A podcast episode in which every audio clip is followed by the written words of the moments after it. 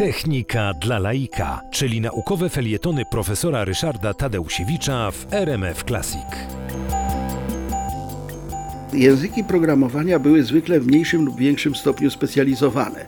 Język COBOL był do, z procesów biznesowych, język Fortran był do e, obliczeń inżynierskich i naukowych. E, Były również e, języki takie na przykład jak Lisp, które służyły do przetwarzania tekstów. Nie mówiliśmy o nim, ale to ciekawy też język. W każdym razie było mnóstwo języków, zaczęła się taka wieża Babel. No i w tym momencie firma IBM, która przewodziła właściwie przez wiele lat, przez no, ogromną część historii informatyki, wszystkiemu, co miało być najnowsze, najbardziej nowoczesne, najbardziej modne, postanowiła zrobić jeden ogromny język, który obejmie właściwości wszystkich języków. Ten język nazwano PL1, dlatego że właśnie to był Programming Language Number One pierwszy, jedyny, ostateczny, taki, który miał, że tak powiem, powalić wszystkich na kolana.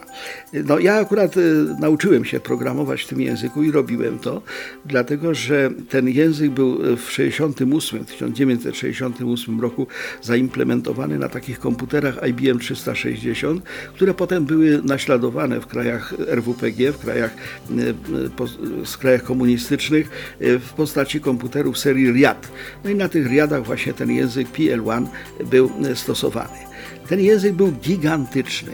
Ja napisałem podręcznik tego języka i napisałem ponad 100 programów. No i muszę powiedzieć, że, że, że była to kobyła tak niesłychanie skomplikowana, że właściwie no, nauczenie się języka PL1 było o wiele bardziej pracochłonne niż nauczenie się wszystkich innych języków razem. No i okazało się, że no, taki język, który miał być do wszystkiego, okazał się językiem do niczego. Po prostu ludzie tego nie zaakceptowali, nie kupili. PL1 istnieje do tej pory i tu i ówdzie można sobie w nim programować, ale ten gigant, że tak powiem, okazał się dinozaurem. Po prostu zginął, ponieważ te małe języki były znacznie bardziej poręczne.